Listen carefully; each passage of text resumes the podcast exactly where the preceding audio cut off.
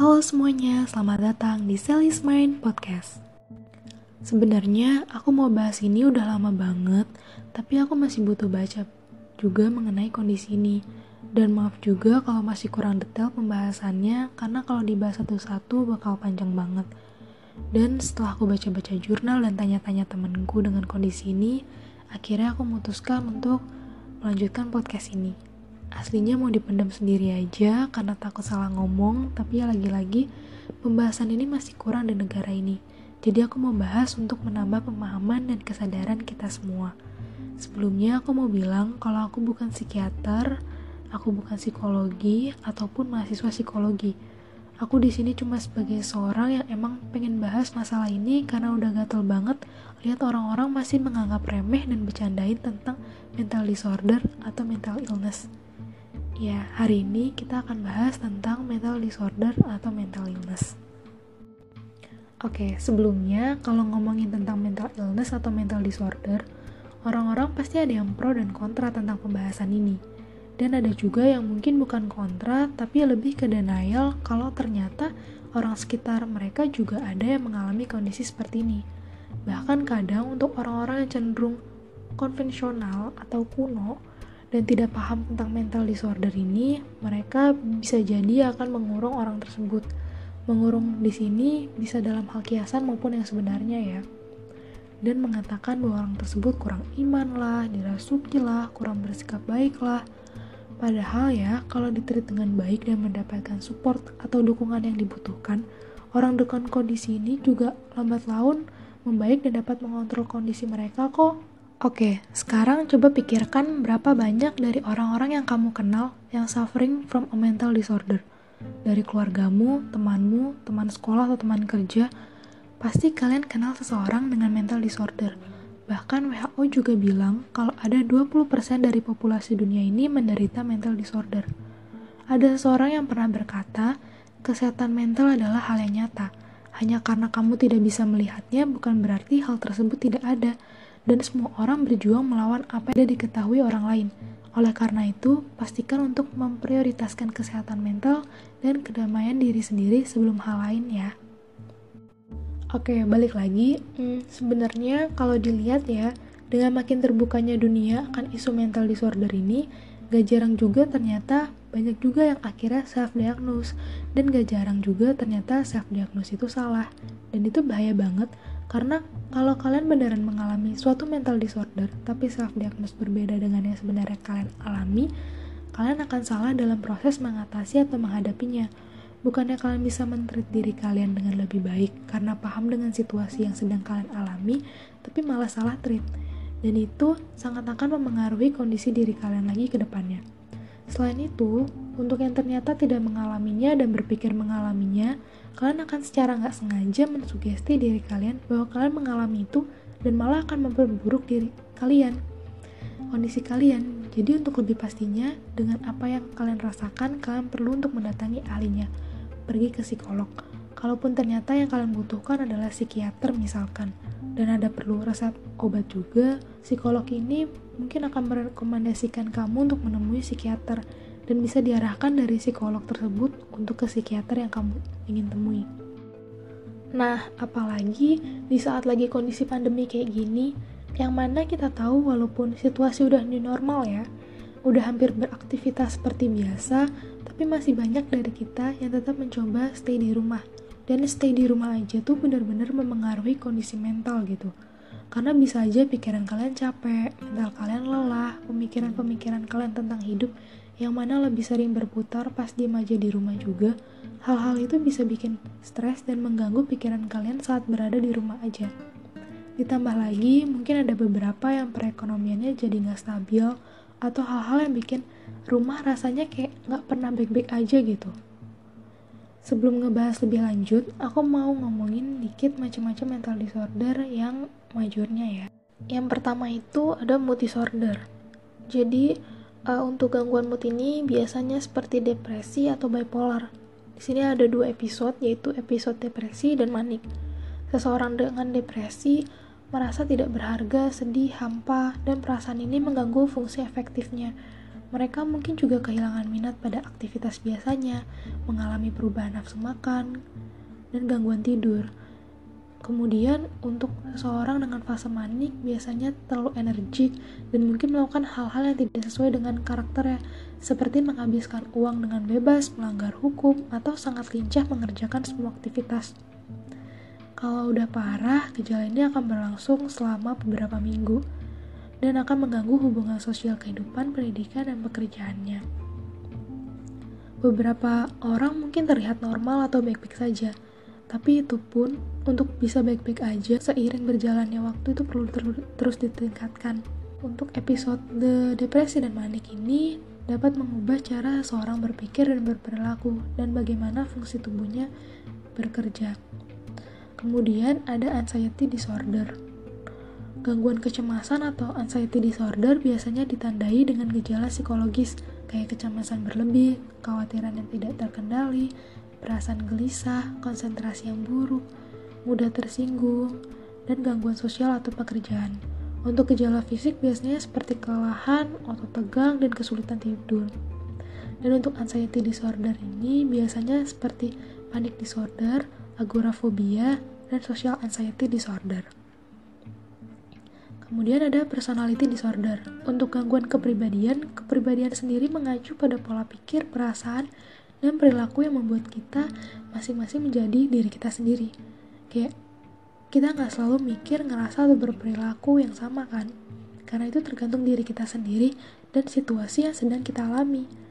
Dari jurnal yang aku baca nih, dibilang sebenarnya kepribadian tuh nggak banyak berubah sih, tapi terus berkembang saat kita melalui pengalaman berbeda dalam hidup atau saat keadaan berubah.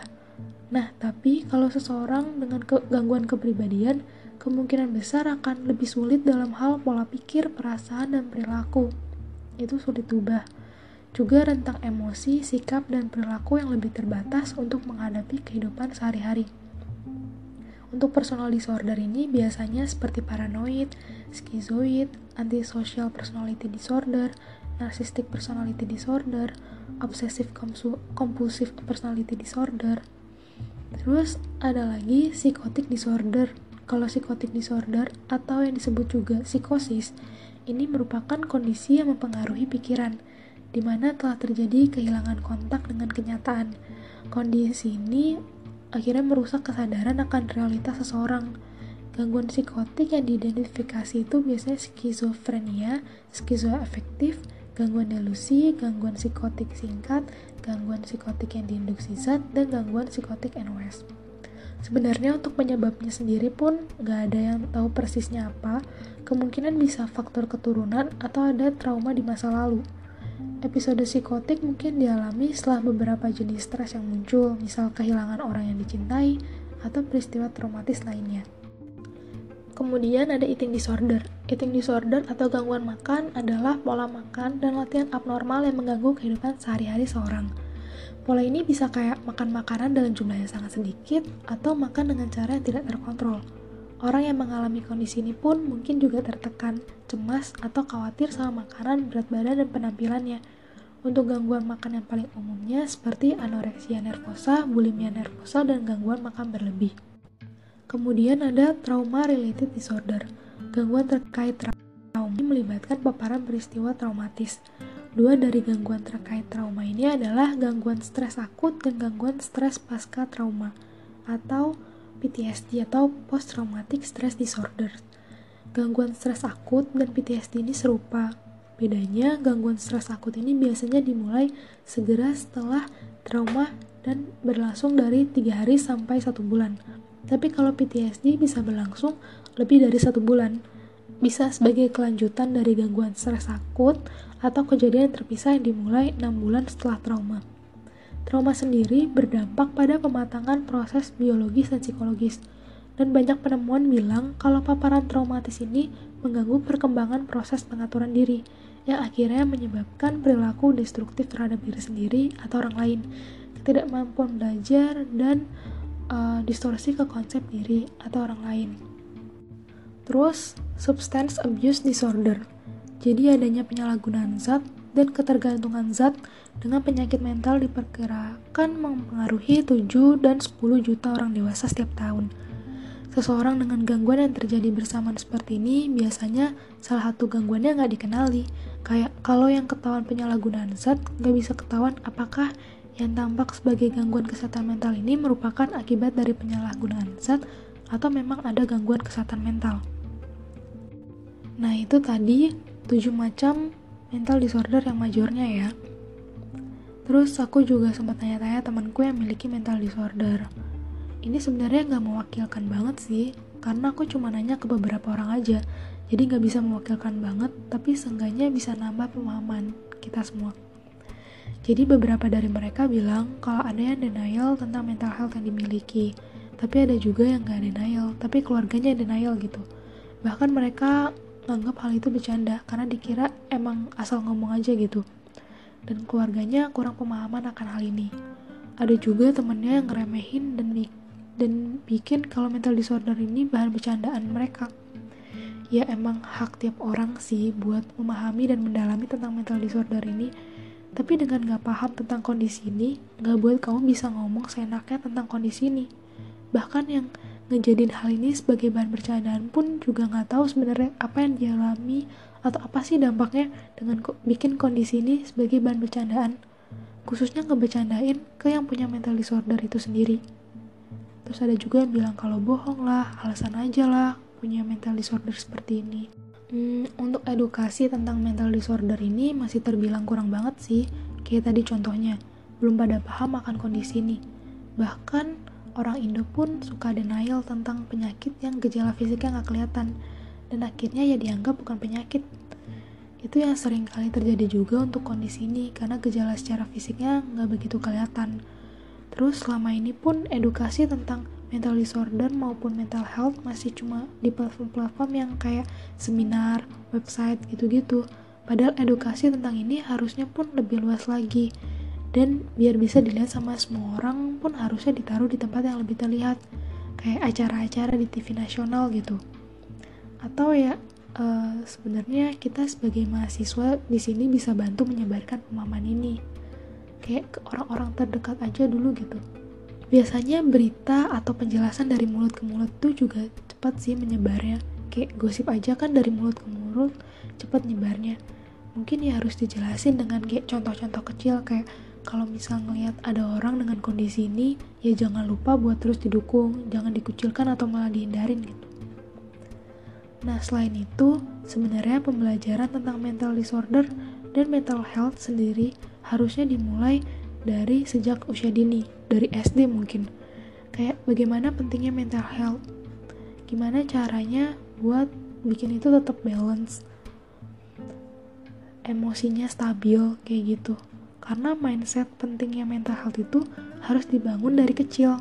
Karena pas mulai remaja malah lebih rentan yang namanya stres yang bisa berujung ke mental illness.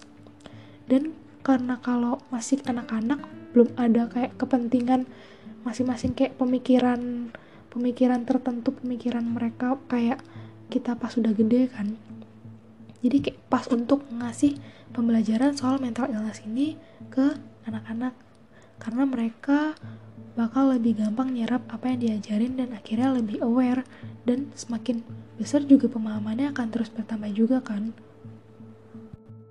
oh iya Terus biasanya dalam menghadapi mental disorder ini ada yang namanya coping mechanism.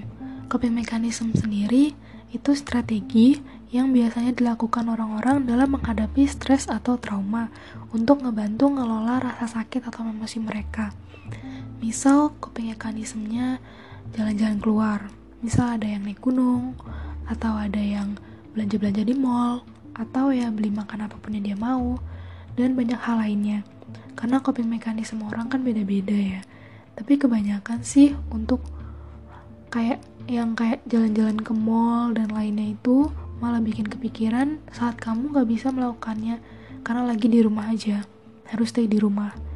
Dan setelah aku tanya-tanya ke temanku yang mengalami kondisi ini coping mekanisme mereka pasti gak cuma satu tapi biasanya satu lagi tuh gak positif kayak misalnya self harm di sini karena misal nggak bisa keluar rumah karena nggak dibolehin dan karena alasan-alasan lainnya mekanisme ini akhirnya bisa dilakukan tapi ya kan sebagai teman masa mau temennya milih mekanisme yang itu?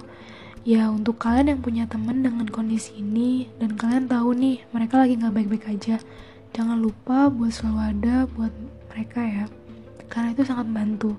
Nggak cuma dengan teman yang punya kondisi ini sih ke semua teman kalian.